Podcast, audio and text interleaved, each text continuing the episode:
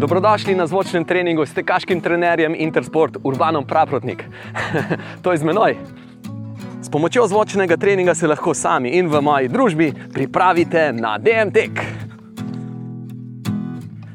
Ta trening je namenjen pripravam na 10 km tek. Tokrat bomo izmenjevali tek in hojo na način, da dve minuti tečemo in eno minuto hodimo. Skupaj bomo tako opravili okoli 10 km.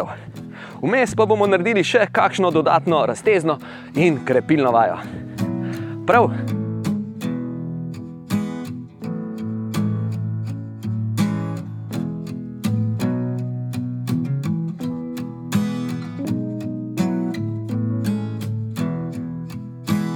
Med treningom pa bom poskušal odgovoriti na tri vprašanja.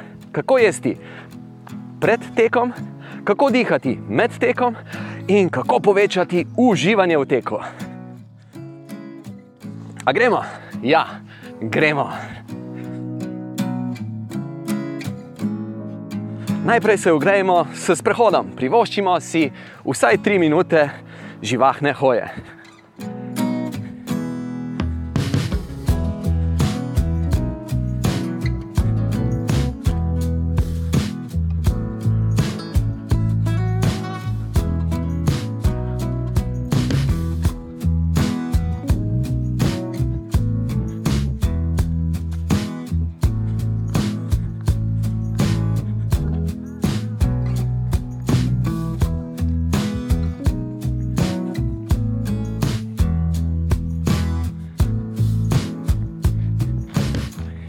Živahna hoja je dobrodejna. S hojo pripravimo sklepe, mišice, tetive na tek.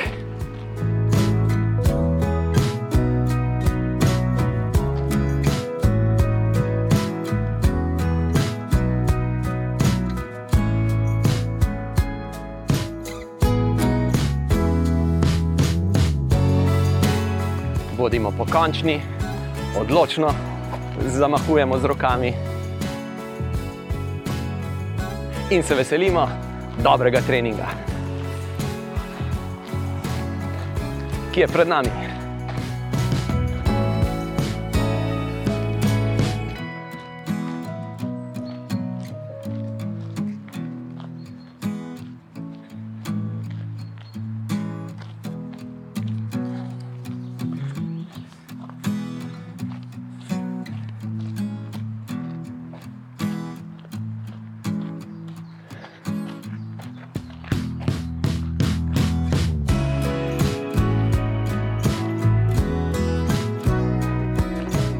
Torej, danes bom poskušal odgovoriti, kot sem rekel, na tri vprašanja. Kako jesti pred tekom, kako dihati med tekom in kako povečati uživanje v teku.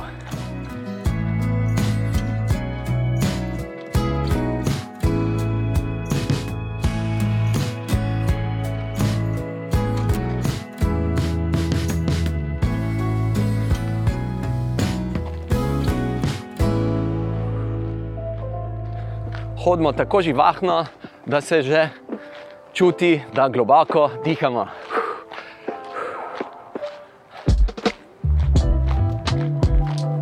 Jaz hodim v klanec, tako da je hoja še bolj živahna, močnejša in zleze bolj pod kožo.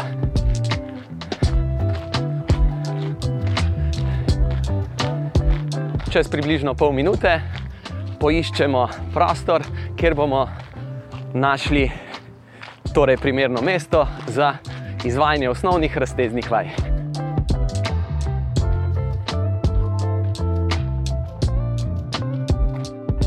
Odlično, jaz sem najdel primeren prostor, upam, da tudi vi. In naredimo prvo vajo, dvignemo visoko roke gor, pogledamo v nebo med krašne dreves in držimo pokončni smo in raztezamo celo telo, se povzdignemo na prste, roke so gor, odlično se spustimo dol na celo stopalo in nagnemo na eno stran z rokami, ki so visoko, in na drugo stran. počasi, lepo. Gremo zdaj v razkorak, torej noge na razen in boki naprej. Boki naprej, kaj čutimo? Čutimo mišice primikalke na notrni strani stegen. Odlično. Gremo zdaj v predklon, počasi v predklon. Noge so še vedno v razkoraku, mi smo pa v predklonu in čutimo zadnje stegenske mišice. S pogledom rahlo naprej. Odlično. Se primemo kakšnega drevesa ali ograje in raztegnemo prednje stegenske mišice, tako da zamahnemo z nogo nazaj, se primemo za nart in imamo torej maksimalno pokrčeno koleno, peta je pri zadnici, z roko se držimo za nart in raztezamo katere mišice, prednje stegenske mišice.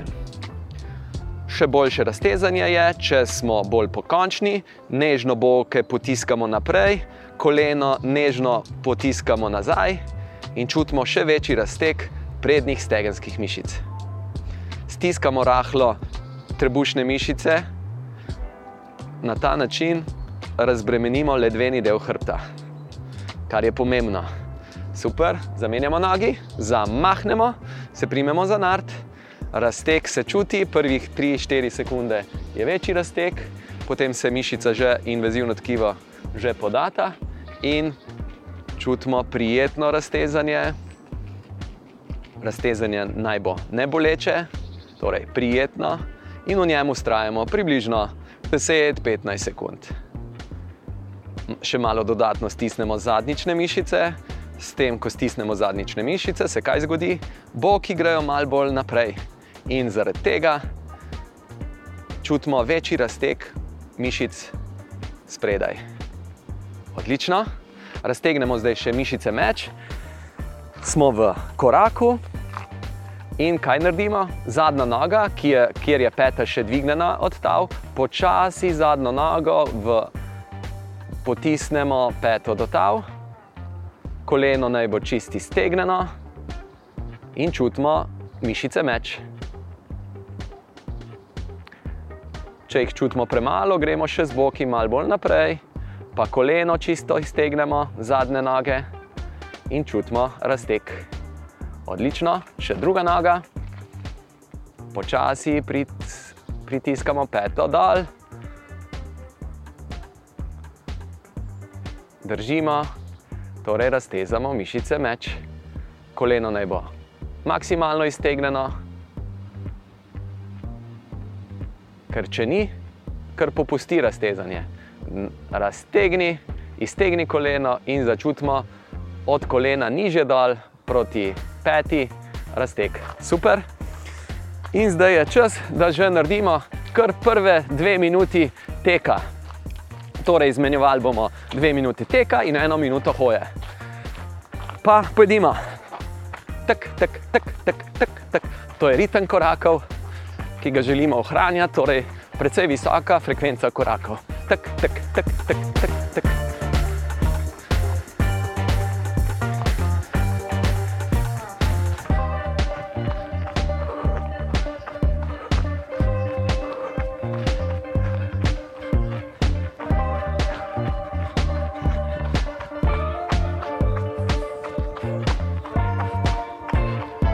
smo visoki, čvrsti, s hitrimi koraki. Tak, tak, tak. Te koraki naj bojo pa drobni, nikamor se nam ne mudi.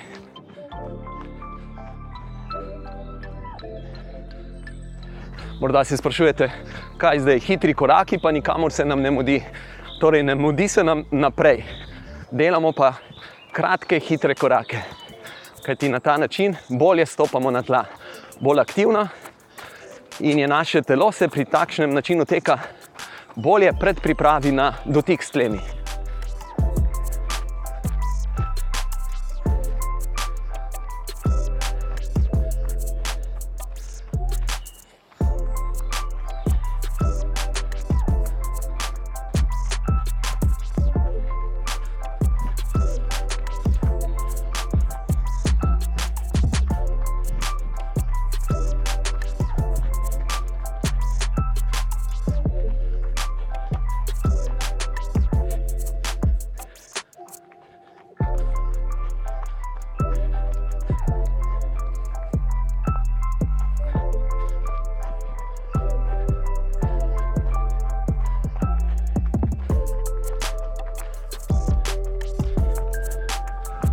Odlično nam gre, še 3 sekundice teka, odlično. Dve minuti teka je za nami, privoščimo si minutko hoje. Prav lepo je. In na ta način bomo lepo spletli 10 km. Z ogrevalno hojo in vsem skupaj smo zdaj že skoraj na 700 metrih razdalje. Ker predvidevam, da tečemo približno enako hitro, tam nekje 6 minut pa pol na kilometr je takšna lahkotna, je to takšen lahkoten tempo, ki ga večina ljudi, ki teče, lahko teče.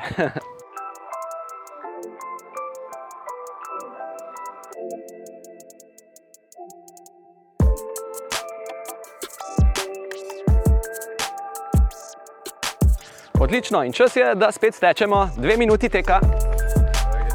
Hop, hop. Vedno, ko stečemo, ko gremo iz hoje v tek, se malo bolj pokončno postavimo in še bolj podrobimo prvih par korakov. Ker ti hoja, pa tek se malo razlikujete tudi v tej postavitvi, v drži telesa. Čeprav je boljša hoja, seveda čvrsta, ampak tek, boljši tek je pa še malo bolj čvrst, kot je čvrsta hoja. In marsikdo, ki pravi, da s težavo izmenjuje hojo in tek, to težavo čuti prav zaradi tega, ker iz hoje ohrani to popustljivo držo. Sploh če ni pozoren na način hoje. Torej, ko hodimo, hodimo čvrsto, visoko. In zdaj, ko tečemo, smo še dodatno povzdignjeni, privzdignjeni in čutimo lahkotnost.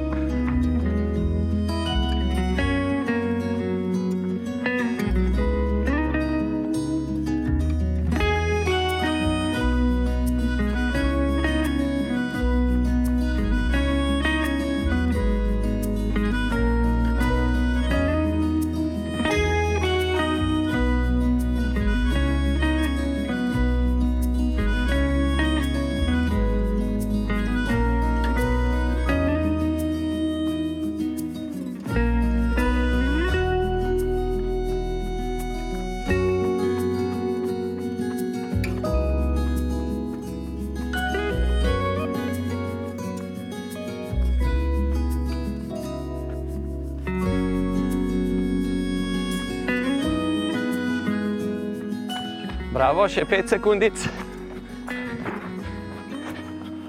Odlično in hodimo. Bravo. Hoja pa še, naj bo živahna. Globoko dihamo, zamahujemo z rokami in se s hojo razbremenimo, sprostimo. Hkrati pa ohranjamo kar živahen krvni obtok. Naprimer, bistveno slabši počitek je, če tek prekinemo z stojo na mestu. Hoja poganja kri po naših žilah, bolje kot seveda stoja na mestu.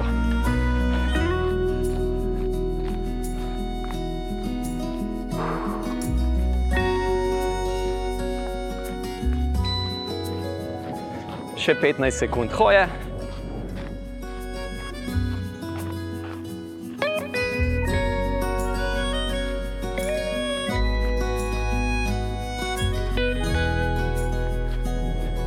In gremo, tečemo. Drobni korakci.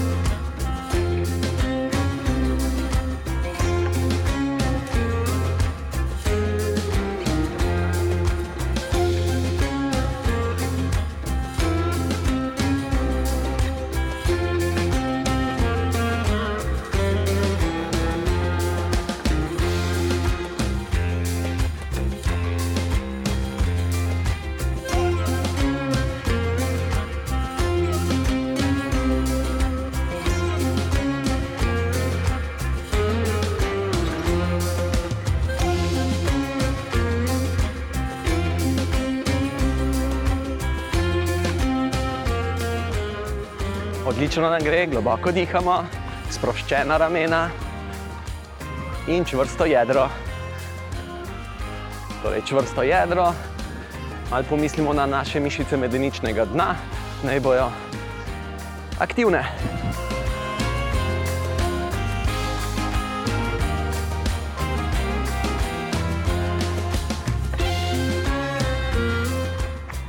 Odlično in hoja.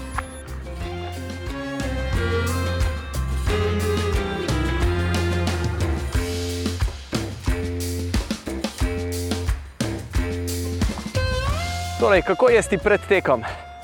No, predvsem pri tem, kako se vprašamo, kdaj. Kdaj jesti pred tekom? Vsi vemo, da pred, neposredno pred samim tekom, pa ure pred, ni čas za nek normalen večji obrok. Morda je primeren za kakšno minimalico, če čutimo potrebo po oglikovih hidratih, je to čist na mestu, da spijemo, morda ali pa še bolje pojemo kaj sladkega. In je to to. Torej, dve ali še bolje tri ure pred tekom je bolje, da ne jemo večjega obroka. Teč s polnim trebuhom, s polnim trebuhom, ki še ni, ker je hrana komaj prišla in se še razgrajuje, je v bistvu škodljivo. Zdaj, kar stečemo, tek, tečemo, tečemo in bom razlagal naprej. Torej, če pojemo večji obrok, ki nam napolni želodec, in gremo na tek, kaj se zgodi s to hrano, čaka v želodcu, kajti v našem telesu imamo dva živčna, dve živčne poti. Eno je parasimpatično, drugo simpatično. In eno je tipično za aktivnost, in takrat se zmanjša aktivnost drugega, tistega, ki je značilen za počitek.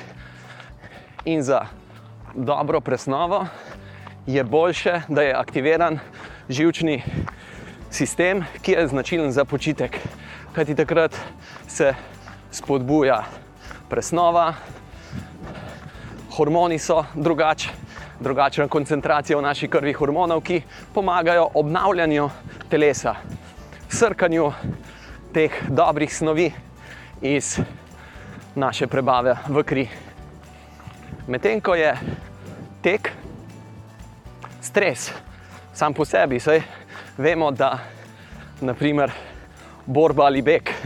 Tek je neke vrste beg ali pa lov, ampak to je stvar v tem, da se naše telo je takrat nadraženo, aktivirano za premikanje, za borbo za preživetje na nek način.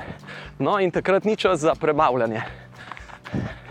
Ker ti čas za prebavljanje, ta hrana obleži v želodcu in je predolg časa v želodcu in jo kvarimo.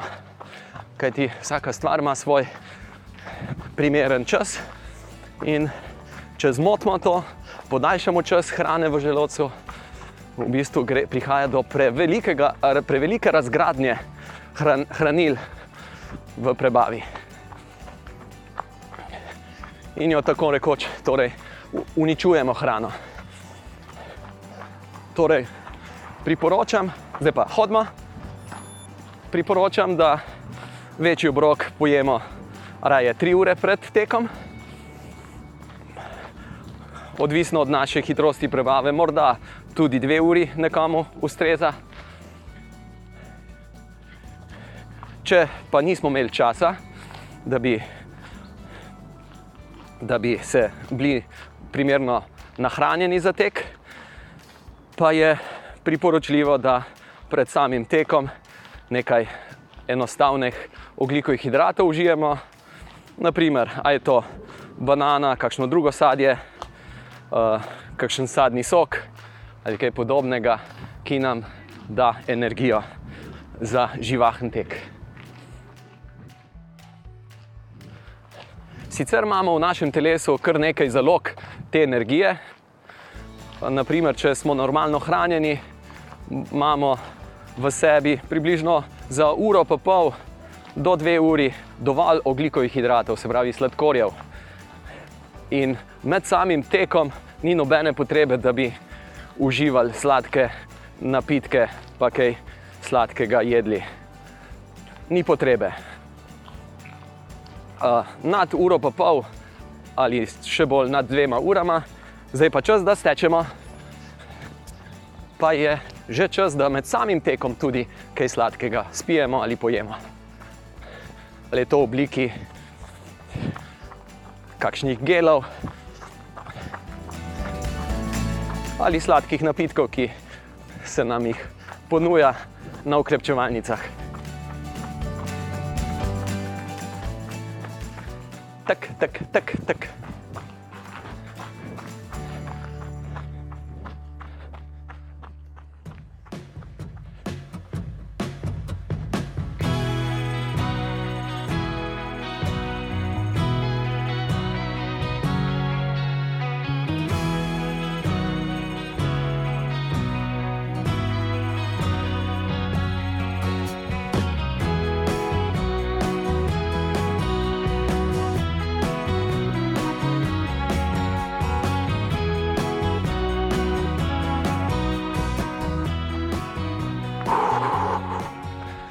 Globoki izdihi, živahni koraki, boki so centimeter višji, sproščena ramena. Super, super.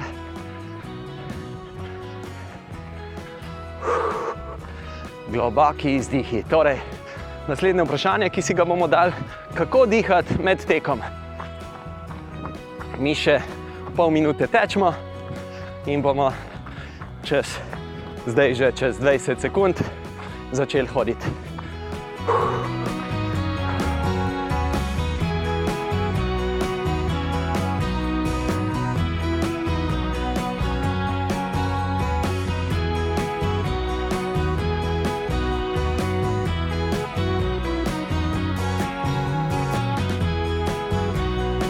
Odlično, hodimo. Lepo. Lepo, dihamo globoko. Torej, kako dihati med tekom? Medtem ko je dihanje skozi nos ali usta vprašanje, je odgovor: dihajmo skozi nos, vedno ko to dovolj prezrači naša pljuča.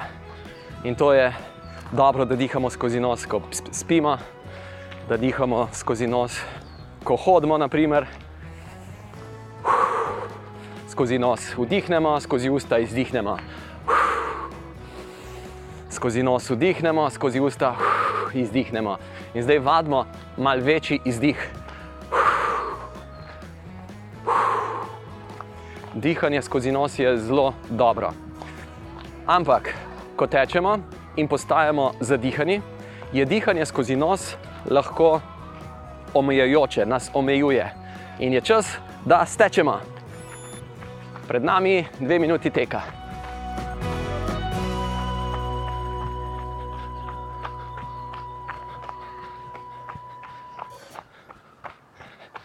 Poudarjeni izdihi, torej zdaj imamo kar usta odprta.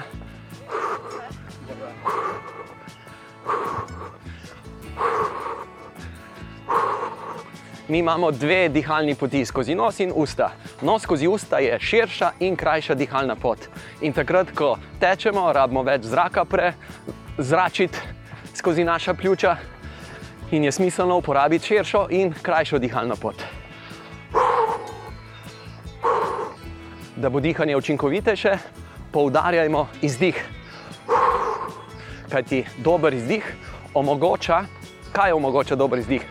Da damo str zrak ven in damo prostor za svež zrak.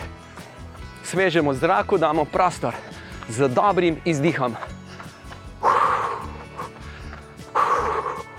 No, in ko izdihujemo, bodimo pozorni tudi na to, kaj se zgodi z našim trebuhom. Priporočam, da ko izdihujemo, da gre trebuh noter. Se pravi, trebuh noter. Pa vdihnemo, gre rahlo trebuh ven. Izdih, trebuh noter. Vdih se sprosti trebuh in gre rahlo ven. Na ta način dihamo tudi s pomočjo trebušne prepone. Povečamo dihanje, trebušno dihanje in na ta način olajšamo prsno, prsno dihanje.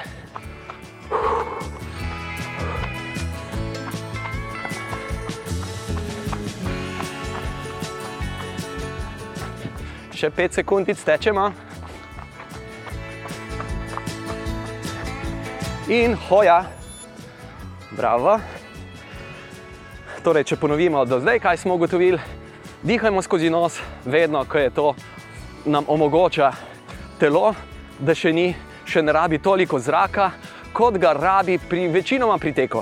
Pri večinoma priteku pač porabimo toliko energije, toliko zraka, rabi naše telo, toliko kisika in toliko več CO2 -ja moramo izdihati, da je dihanje skozi nos omejujoče. Torej, dihajmo tudi skozi usta, ne zapirajmo ust. Zrak bo že našel pot, ki, kjer je skozi nos in usta oboje, ampak seveda zato, ker je skozi usta toliko lažje, bo večina zraka šlo skozi usta. Nesmiselno se je pri tem overati, kajti ta čas, ko tečemo, dihajmo skozi usta in vse ostali čas skozi dan, je pa seveda priporočljivo, da dihamo skozi nos. In čas je, da stečemo. Tak, tak, tak, tak, drobni korakci, čvrsto jedro, rahlo stiskamo mišice medeničnega dna, kratek čas na tleh, tak, tak, tak, tak, tak, tak, tak, tak.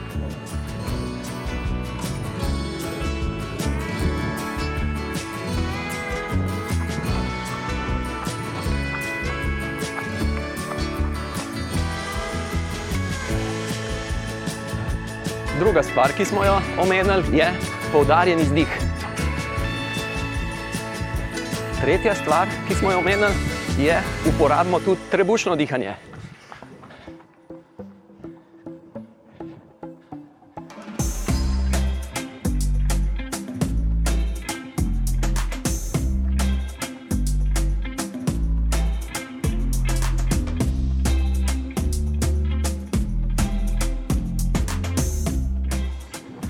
In kaj lahko še dodamo?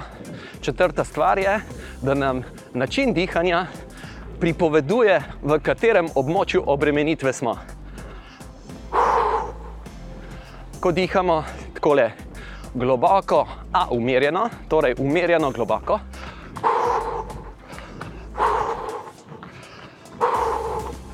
Smo pod anaerobnim pragom.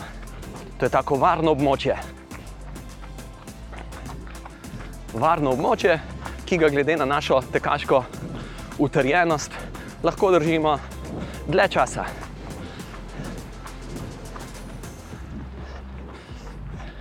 Ko smo pod anaerobnim pragom, lahko torej traja in nas dihanje ne bo utrujalo.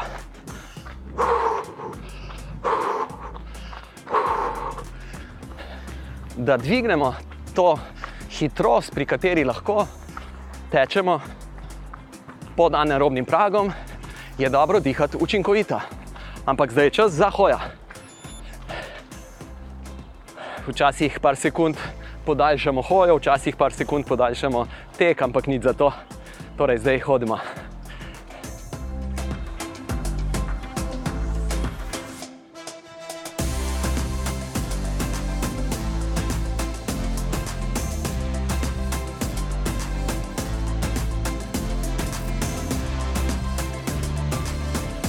Zdaj, ko hodimo, že pol minute hodimo, se nam je dihanje umirilo spontano in lahko dihamo skozi nos. Skozi nos noter, skozi usta ven. Kajti, če je dihanje skozi nos koristno, je predvsem koristno zaradi vdiha. Povlečemo vase in kvalitetno izdihujemo kar skozi usta. Zdaj je pa čas, čez 3 sekunde začnemo s tekom in tečemo spet 2 minuti teka.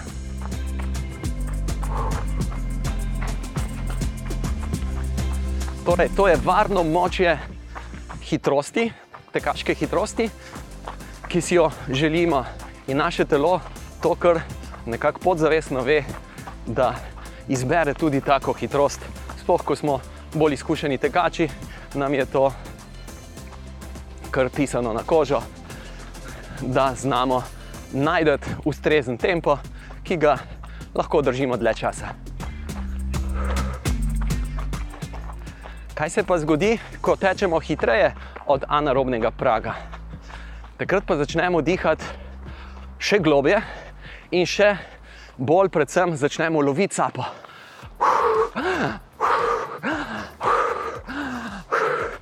Ta v bistvu mal dihanje s strahom.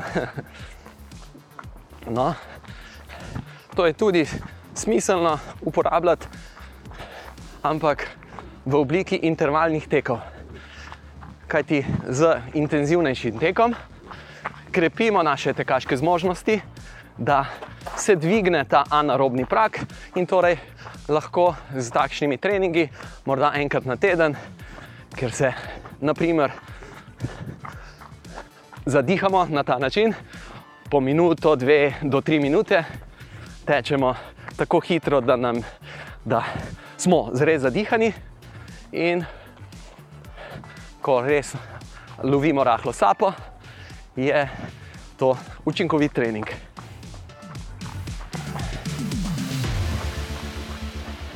Ni pa ga dobro delati prepogosto. Enkrat na teden je dovolj. Odlično in hodimo.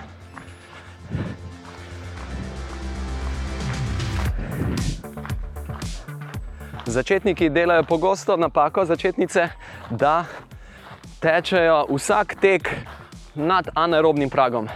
Torej, če smo mi manj te tekaško utrjeni, bomo po pol minute, 45 sekundah začeli loviti sapo.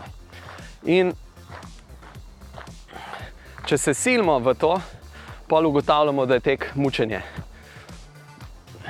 Najdimo hitrost teka, ki jo lahko držimo nekje za večino ljudi je nekje 630, 645 začetnikov primerna hitrost teka.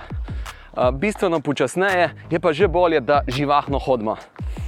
Če te, tečemo 7 minut, pa 15 sekund na kilometr, je to bolje, da krajše odseke stečemo, malo hitreje, torej na 6:30, 6:0 in potem hodimo in kombiniramo torej takšne intervalne teke, ki jih ne podaljšujemo, ampak naredimo ve večje število ponovitev.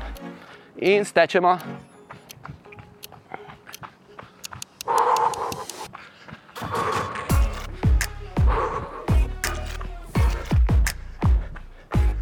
Osebno lahko pri nizki hitrosti teka še diham skozi nos. Ko pa rahlo dvignem hitrost teka, pa prav začutim, kako se mi sprosti dihanje, ko odprem usta. In je fajn, je zelo dobro, da torej damo našemu telesu dovolj zraka. Na ta način je tek tudi bolj sproščen, pomirjajoč. Torej, poudarjamo izdih ko izdihujemo, rahlo stisnemo trebuh noter in tečemo v hitrosti teka, kjer lahko dihamo uravnoteženo, ko še ne lovimo sape.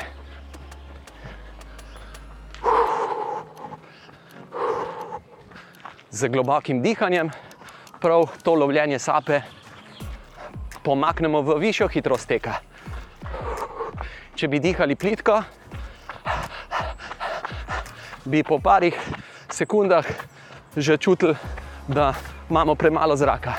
Kaj ti plitko dihanje je v bistvu samo predihavanje tega dihalne poti, to s tem se reče tudi mrtvi zrak, To je zrak, ki sploh ne pride do pljuč, ki je samo v ceveh. Skozi usta do, do pljuč je pot in torej to pot je dobro, da je čim manjši odstotek in čim manjši odstotek vdihanja in izdihanega zraka bo na ta način, da poudarimo volumen. In hodimo lepo.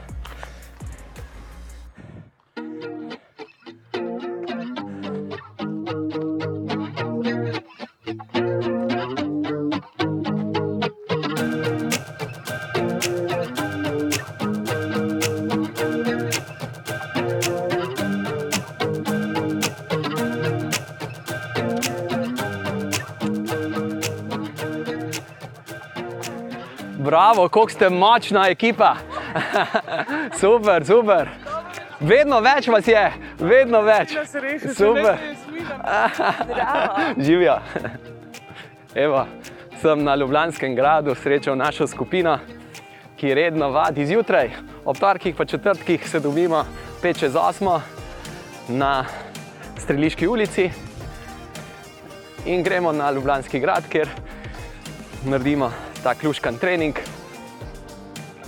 krepilni trening na otoku športa na Ljubljanskem gradu, in potem vmes, in potem še dodamo nekaj tekca. In stečemo, tečemo, tečemo, drobni korakci.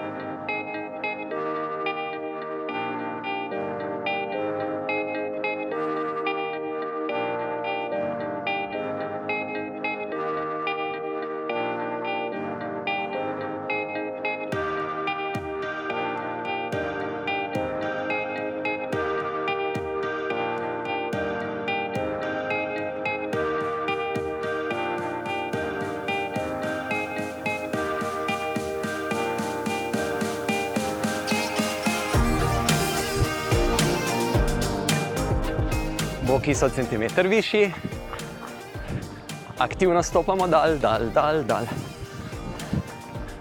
Rahlo stiskamo trebuh noter, predvsem mišice medeničnega dna, so čvrste.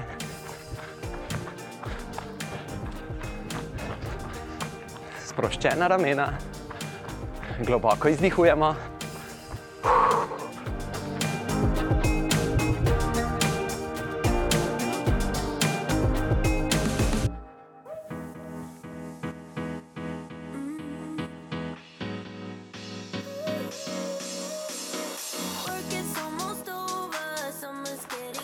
Bravo, in hodimo, lepo, dve minuti, teka je za nami. In tako prepletamo hojo in tek, in se z vsako minutko hoje, ki je vmes, spočijemo.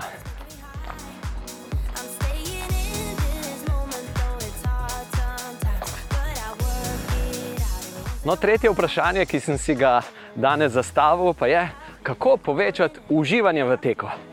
Ha, to pa je težko vprašanje, na katerega je zelo dobro čim bolje odgovarjati.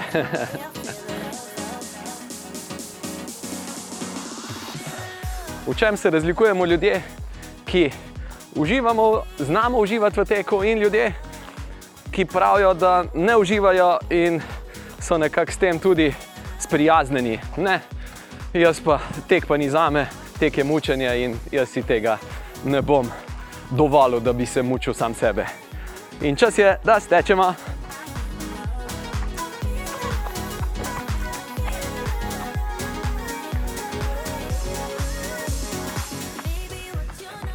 No, pri razmišljanju, v čem se razlikujemo te ljudje in drugi, je v tem, da si lahko pomagamo z slogom razmišljanja, našo miselnostjo, ki jo gojimo. Psihologinja Carol Dweck je naprimer preučevala uspešnejše ljudi od manj uspešnih, tudi na otrokih, ki dajo otrokom tako nalogo, ki je bila lahka. In vsi so uživali v njej. Potem naslednja naloga je bila težja. Je bila tako težka, da je večina ni uspela reševati. Ampak ugotovila je dva tipa otrok. Eni so se trudili, so se trudili, da bi rešili nalogo, no, drugi so pa zelo hitro rekli, da eh, to ni, to je brez veze, to je dolgočasno in so nehali. Te prvi, ki so se trudili rešiti dlje časa, so celo eni rekli, če lahko to nalogo odnesejo domov, da bojo se doma preizkusili, da rabijo več časa za to. No, in miselnost, ki jo gojijo ljudje, ki so pripravljeni na problem gledati kot izziv, ne pa kot oviro, ki se ji samo izogibamo, imajo razvojno miselnost. Lahko rečemo razvojno, torej vedno krepenimo po tem, in čas je za hoja. Ljudje z razvojno miselnostjo krepenijo po novih izzivih, so radovedni, so pripravljeni priznati, da nečesa niso zmožni, še niso zmožni. Kaj ti ljudje s togim načinom razmišljanja pa rečejo, nisem zmožen in pri tem ostane. To ne morem in ne razmišlja o tem, kaj naj naredi, da bo zmogel. In naprimer, ne tekači, preprosto lahko rečemo, tisti, ki nimajo nekih telesnih omejitev, zaradi katerih res ne morejo teči. No, njihovo razmišljanje je, zdaj že od mladosti nisem tekel in nisem za tek. In res, nekdo, ki od mladosti ni tekel, ni za tek, še ni za tek. Da bo postal za primerno telo utrjeno za tek, je pomembno, da kaj postopoma dajemo v naše življenje, ščepce teka in tečemo.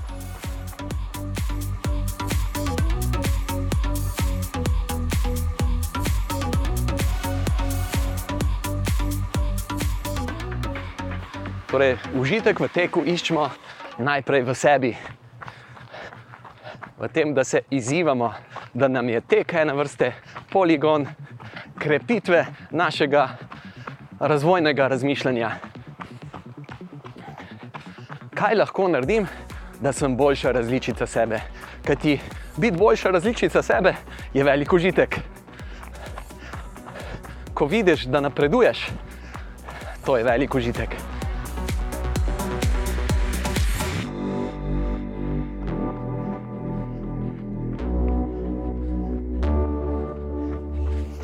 In na kakšen način lahko napredujemo, tako da si postavljamo nove izzive.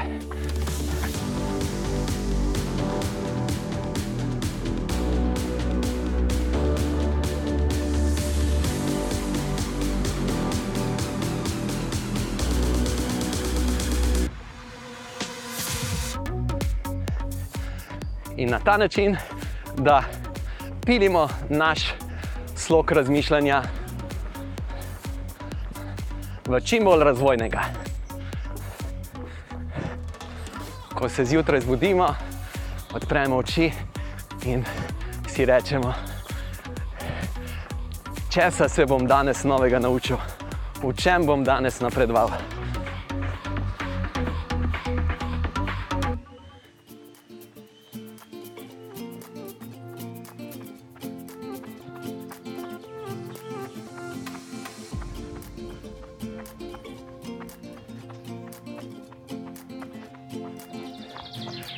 in hodimo.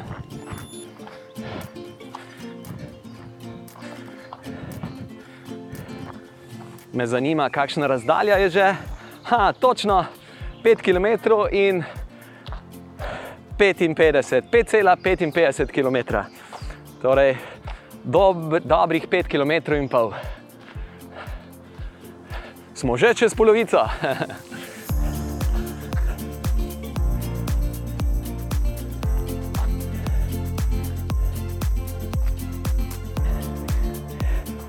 In ko imamo kozarc na pol poln ali pa na pol prazen, tako je v življenju.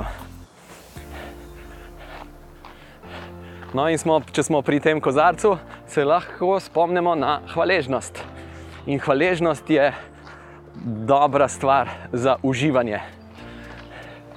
V bistvu je skoraj za, za res pravi užitek, je ključna hvaležnost. In tečemo. Ključna začimba za užitek v teku je to, da sem hvaležen, da lahko to počnem.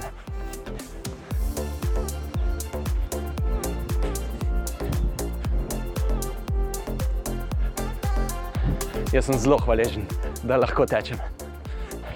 In hvaležen sem, da tečete z menoj, tudi vi.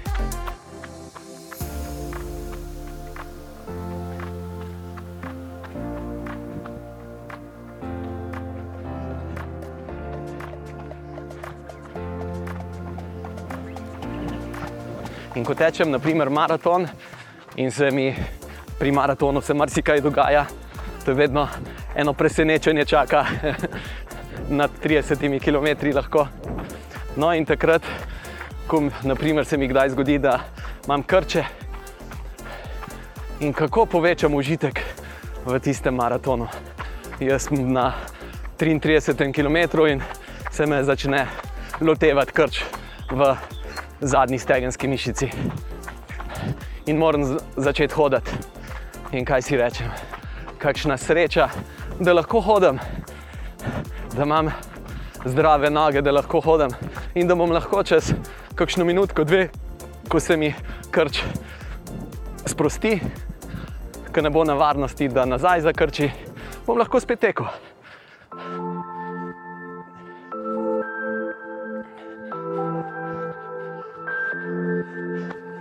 Drugič, ko je dež, pa tečeš, greš na tek in je dež.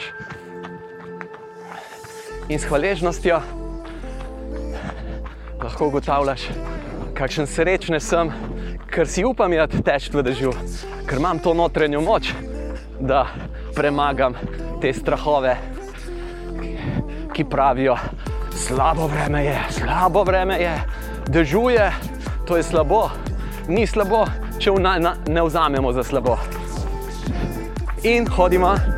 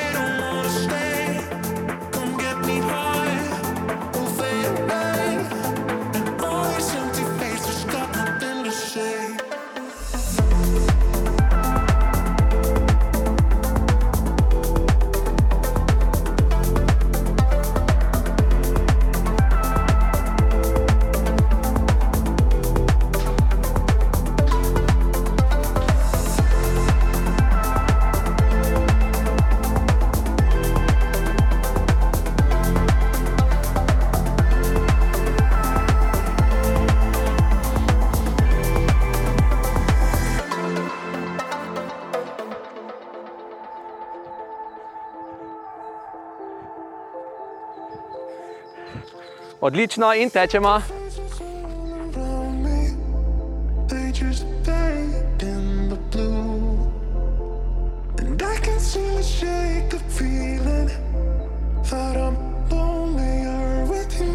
Tečemo z razvojno miselnostjo, z napredkom, tečemo s hvaležnostjo.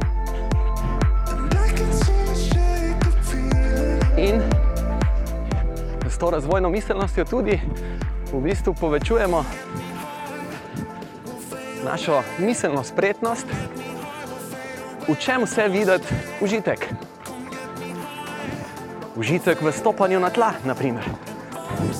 kako dobro, kako se gnete naše telo.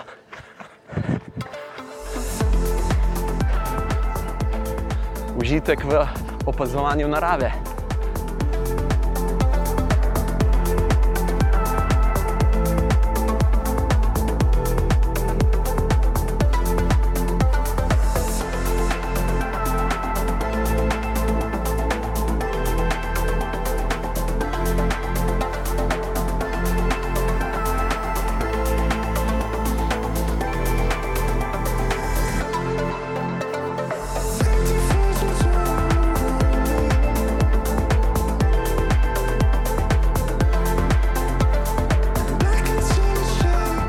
Pol minutke teka. Globoki izdihi, sproščena ramena, pokončni smo, poudarjen izdih. Poudarjen izdih in čas damo v dihu.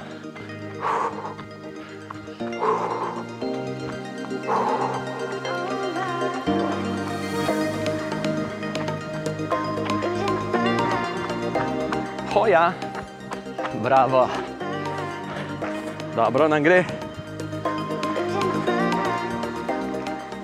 Smo že skoraj na šestih km in pol.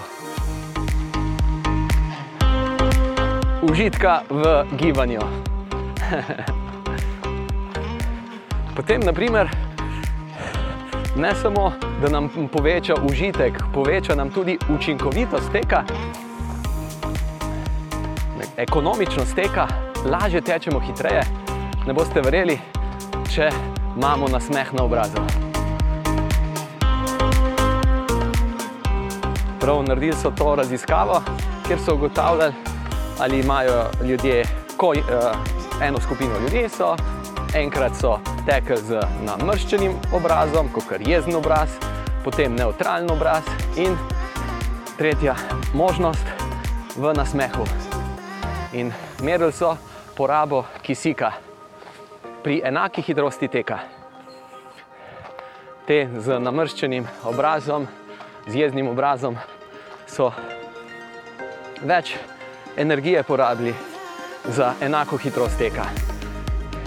Neutralna, neutralni obraz je bil nekaj vmes, nasmejan obraz pa izboljša ekonomičnost teka. In ne samo to, tudi počutimo se lepše, tako da si privoščimo čim večkrat nasmeh in tečemo. Zdaj smo si privoščili tudi ne samo minuto, ampak kar minuto pa pol hoje. Nič za to. Vsak korak šteje.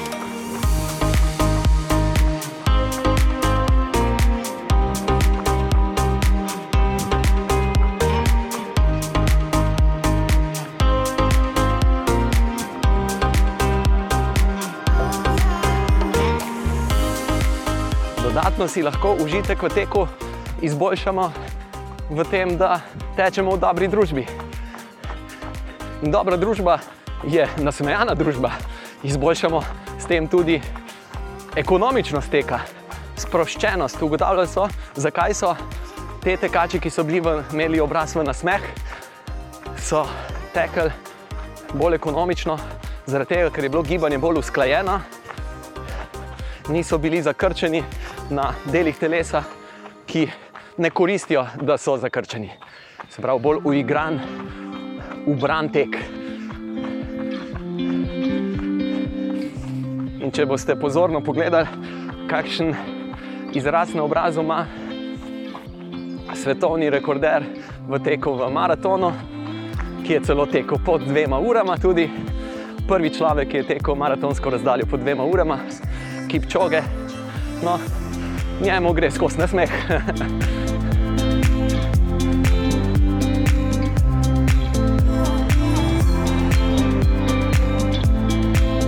Hitri korakci. Tak, tak, tak, tak, tak, tak, tak, tak.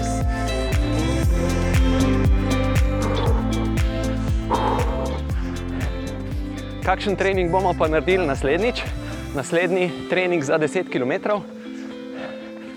Šli bomo po trasi DMT-ka na 10 km. In hodimo točno tako. Šli bomo po trasi, zvočno bomo šli po trasi. Vi boste lahko to tekle v Murski soboti, Novem mestu, Portorožu, Bavcu, Kobaridu, Jesenicah in kjerkoli ste že. Jaz bom šel pa teč ta trening po trasi in bom ga poskušal opisovati, kaj doživimo na posamezni razdalji. Šli bomo takšen lahkoten tempo, 6 minut pa pol, morda 6-15, 6 pa pol, tu nekje.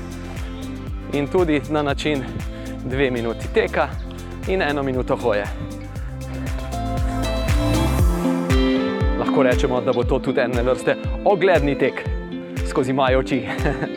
In stečemo, tečemo, tečemo, drobni korakci, živahni koraki. Nasmeh na obrazu, poudarjen izdih, hvaležnost.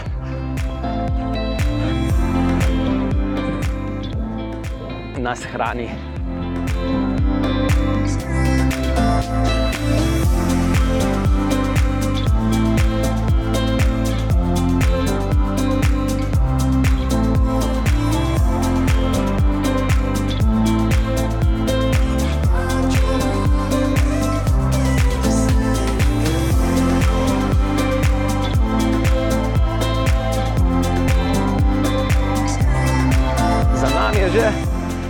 Dobrih 7 km, bravo, torej še 3 km.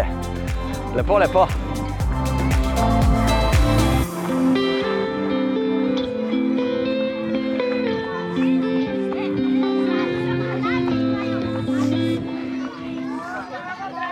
Živijo, živijo.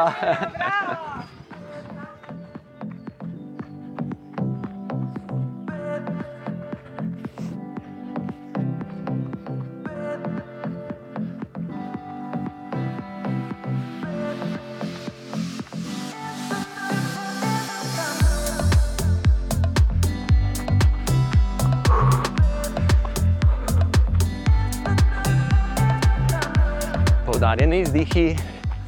Zdaj, ko smo že mečkam bolj utrujeni, ker je za nami že dobrih 7 km, ne bo nič narobe, da se še dodatno spodbujamo k živahnim korakom. Tak, tak, tak, tak, tak. Boke imamo centimeter više, rahlo dodatno stiskamo mišice medeničnega dna. Poudarjamo izdih in hodimo. Lepo, lepo.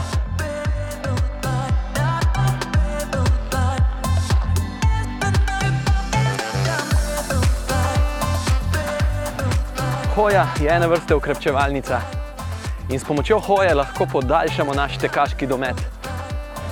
Po mojih izkušnjah, kar za dvakrat. Če nekdo lahko brez prekinitev teče 5 km, kaj več pa ne, bo z umestnimi takimi presledki hoje lahko tekel 10 km in to morda celo z večjo lahkoto, kot 5 km v kosu. In to je vredno podaljševati naš tekaški domet, ker ti vsak korak šteje.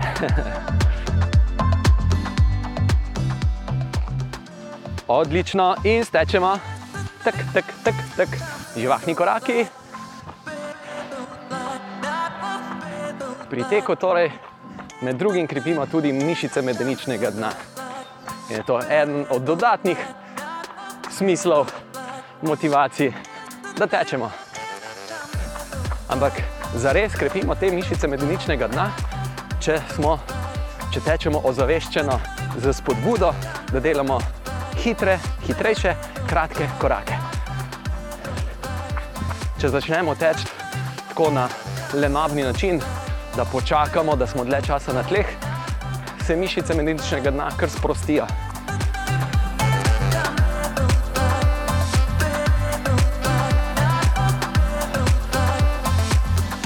Mi pa lažje delamo hitre korake, prav zato, ker smo čvrsti v jedru.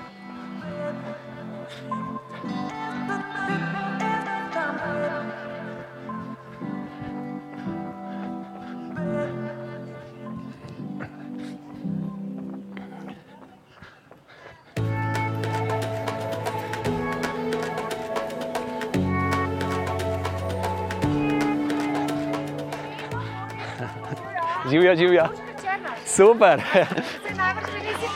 Sem, sem, sem, sem. Drži se. Čau, čau.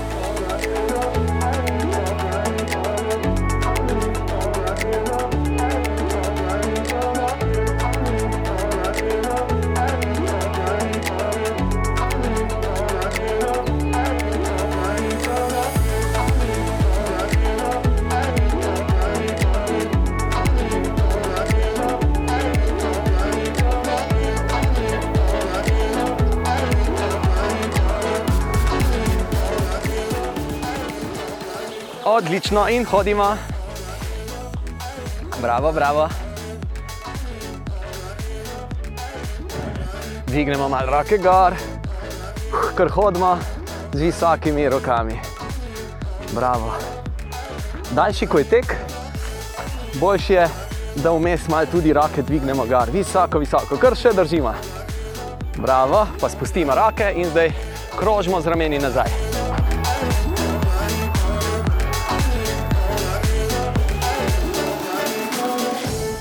Odlična. Normalno hodimo, živahno, seveda, normalno. Ker odvadimo se le nobne počasne hoje. Kaj ti živahnejša, hitrejša hoja je prava hoja. Počasna, lenobna hoja je pa v bistvu prestopanje iz stoje na eni nogi na drugo nogo. Če dodamo živahnost, poudarjamo udriv zadaj, povečamo raztek mišic, teh upogibal kolka, ki gre noga nazaj in ima hoja zelo koristne učinke tudi za našo bolj uravnoteženo hrbtenico. In stečemo.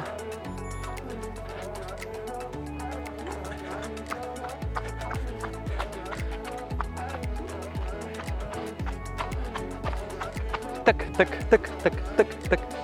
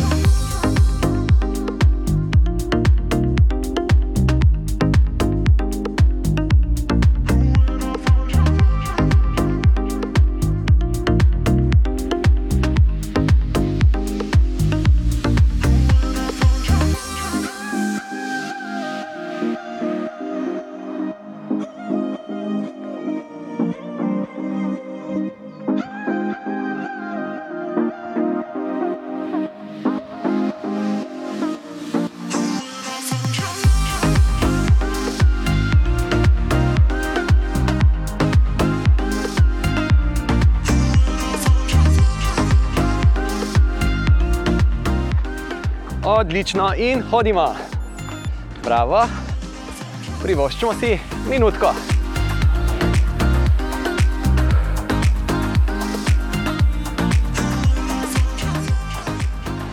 Imam izkušnjo s tem, kako nekoga, ki je navaden teči nekje med 5 in ne več kot 10 km, kako lahko z užitkom, lahkoto preteče mali maraton.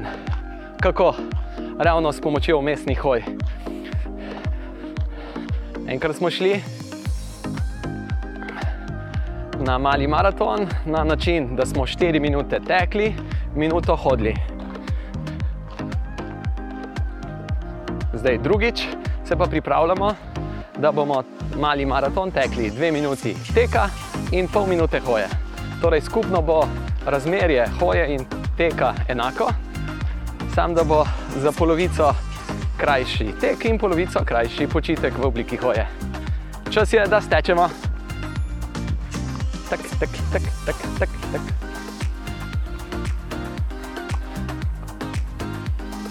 Sam dovolj časa si moramo vzeti, to je približno, koliko časa rabiš za mali maraton, če tečeš na ta način. Dve minuti teka, pol minute hoje, ali pa štiri minute teka, minuta hoje. To je za rezultat. In če je tempo nekje 6 minut, pa pol na kilometr, torej 6 minut in pol na kilometr, je potem rezultat na koncu 2 uri pa pol. Torej, ko tečeš, tečeš v tempo 6:30, 6:45 na kilometr, ko pa hodiš, pa hodiš pač živahno, ampak primerno.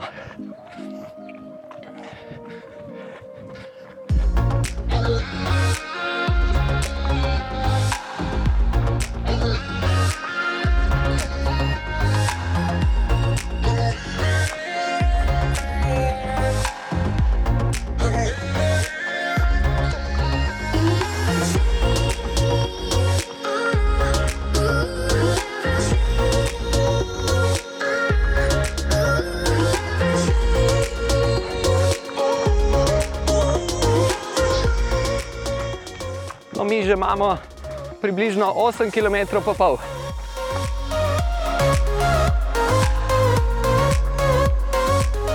Lepo. Samo tako naprej.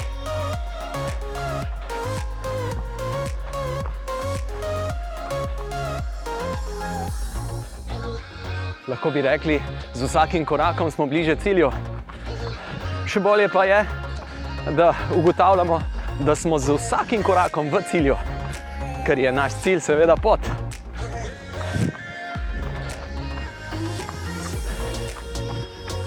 Zato je zelo pomembno, da znamo uživati v naporu, da na, ko nam je napor v užitek, potem je lažje si postavljati izzive, ker si jih veseliš, ker se veseliš poti, ki je pri premagovanju izziva in hodimo, da smo malo podaljšali odsek teka na kar 2 minuti, pa 25 sekund. Upam, da mi ne zamerite preveč.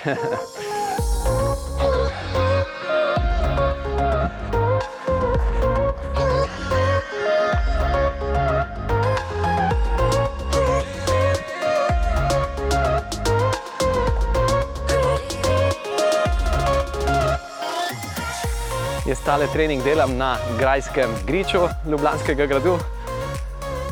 Tečem okoli gradu in okoli šanc. Kaj so pa šance?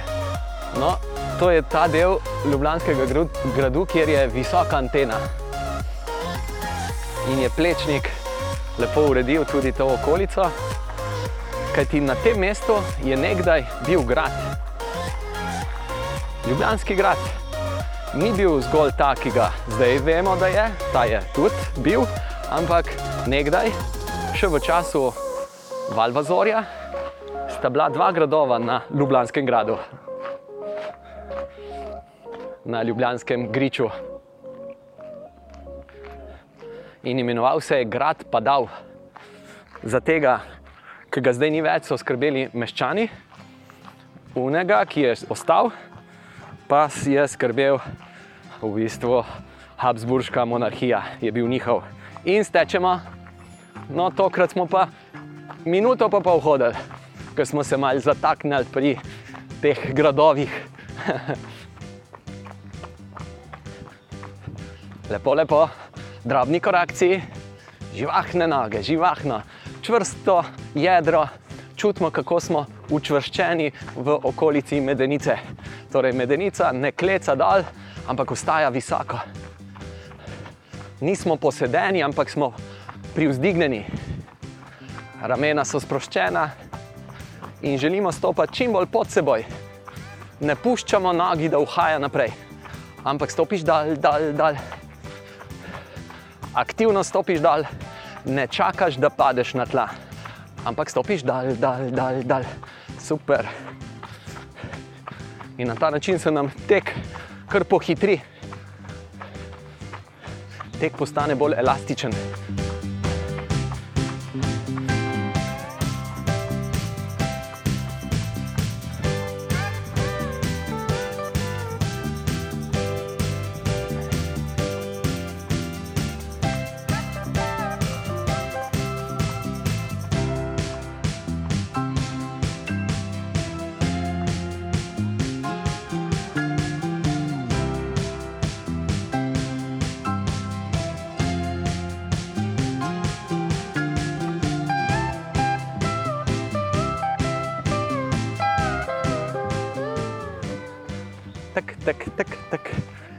Živahni koraki.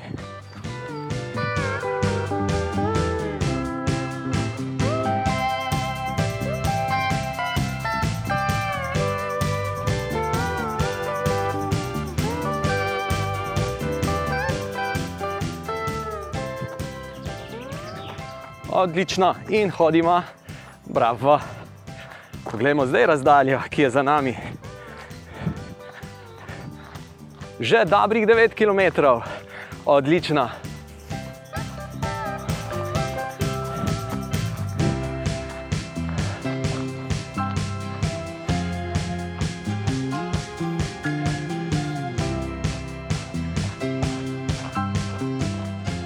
Spet dvignemo roke visoko gor, roke kviško do neba, poglejmo malo gor proti nebu med krošnje dreves pa dvignemo eno roko više, pa drugo roko, pa prvo, pa drugo, super. Pa krožimo z rokami, počasi nazaj, stiskamo trebuh noter in počasi vrtimo z rokami cel krok. Tako da nam je prijetno, če nam kaj škrta v ramenih, delamo nekoliko manjše kroge, kar vrtimo in s tem krepimo naše mišice, predvsem zadaj v ramenskem obroču. Odlično. In čas je, da stečemo. Tak, tak, tak, tak, tak, tak.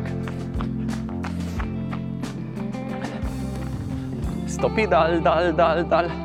Smo centimeter višji, na tleh smo kratek čas. Bravo, bravo.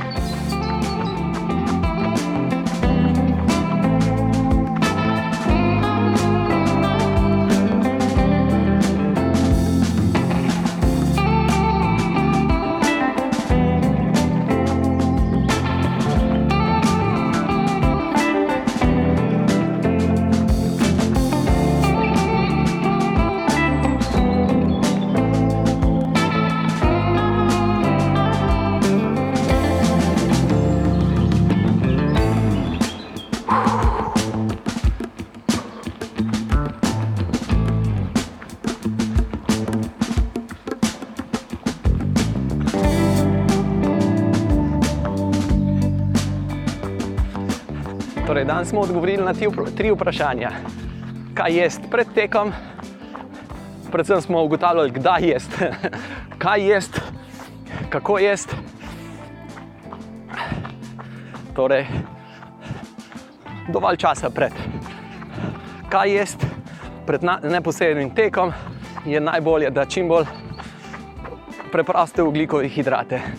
Kaj ti, če bi jedel kaj močnejšega, več maščob, več bolj kompleksne hrane, bolje je, da počakamo, da to pojemo po treningu.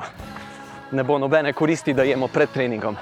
Če jemo pred treningom, torej je korist, da jemo bolj enostavne ugljikove hidrate. Če čutimo, da to rabimo, ne bo pa noben problem, če mal kdaj pa kdaj izpraznemo naše glikogenske rezerve in hodimo in se tudi s tem izboljšujemo v uporabi maščob, za, da nam bolj pride prav tudi pri malo intenzivnejšem gibanju, kot je seveda tek.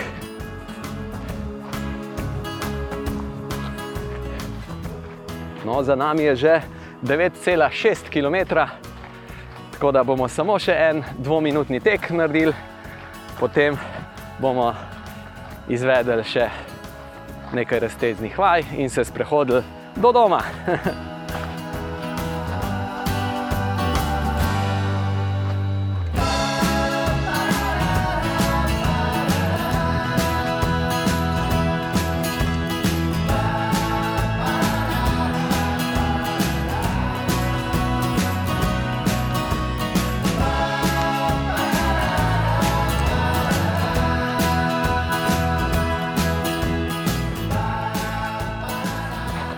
In čas je, da stečemo. To je zadnji dvominutni tekec. Tak, tak, tak, tak. Z užitkom, s hvaležnostjo je več užitka. Bodimo hvaležni, da smo lahko naredili ta trening. Bodimo hvaležni, da je zdaj pred nami počitek. Zaslužen počitek je pravi počitek. Koristen počitek.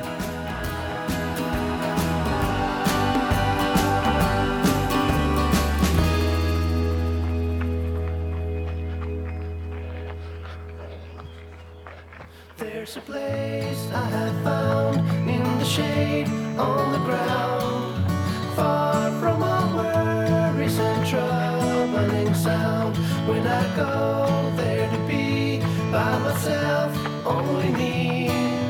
No one can guess what I came there to see. Še minutka, ostajamo visoki, živahne noge, sproščena ramena, globoki izdihi. Izdih s pomočjo tudi trebušne prepone, torej izdih gre trebuh noter, vdih gre trebuh rahlo ven. Vzamemo se čas za izdih, mal ga potisnimo zrak ven iz sebe.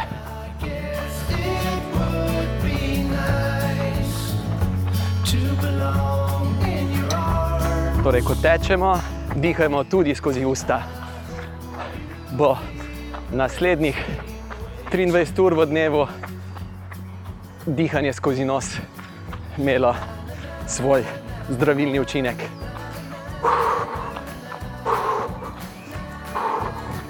Če kdaj pa kdaj med tekom tudi vdihneš skozi nos, je to koristno, neprestano, je pa kar težko. Odlično!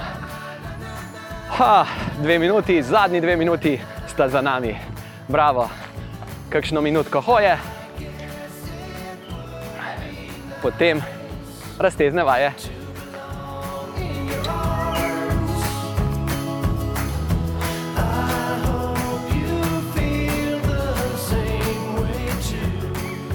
Ker živahno hodimo, veselo, živahno.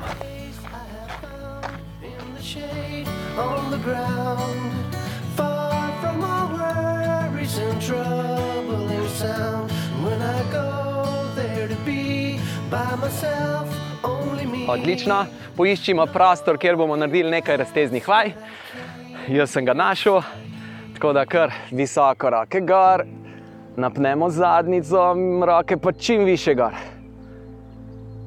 Ustrajamo še 10 sekund, držimo, držimo. Eno roko malo više iztegnemo, pa še drugo, pa prva in druga. Lepo, gremo v razkoračno stojo, nežno boki naprej in čutimo, kaj čutimo. Mišice primikalke na notranji strani stegen, čutimo prijetno, torej boki rahlo naprej, napeta zadnica, raztek mišic primikalk. Lepo in gremo zdaj v predklon, počasi dol, dol, dol, noge so ostale isto, v razkoraku. In ko smo šli v globok predklon, s pogledom rahlo naprej, čutimo, kaj čutimo, zadnje stegenske mišice. Ker držimo, odlično. Se primemo kakšnega drevesa, debla in Stojimo na eni nogi, raztegnili bomo prednje stegenske mišice, torej zamahnemo eno nogo nazaj, se primemo za nart in raztezamo prednje stegenske mišice. Smo čim bolj pokončni, rahlo boke potiskamo naprej. Če potisnemo boke rahlo naprej, čutimo še boljši razteg prednjih stegenskih mišic. Odlično, zamenjamo nogi, torej stojimo na eni nogi, zamahnemo z drugo nogo, se primemo za nart, pokončni smo, boki rahlo naprej in uživamo.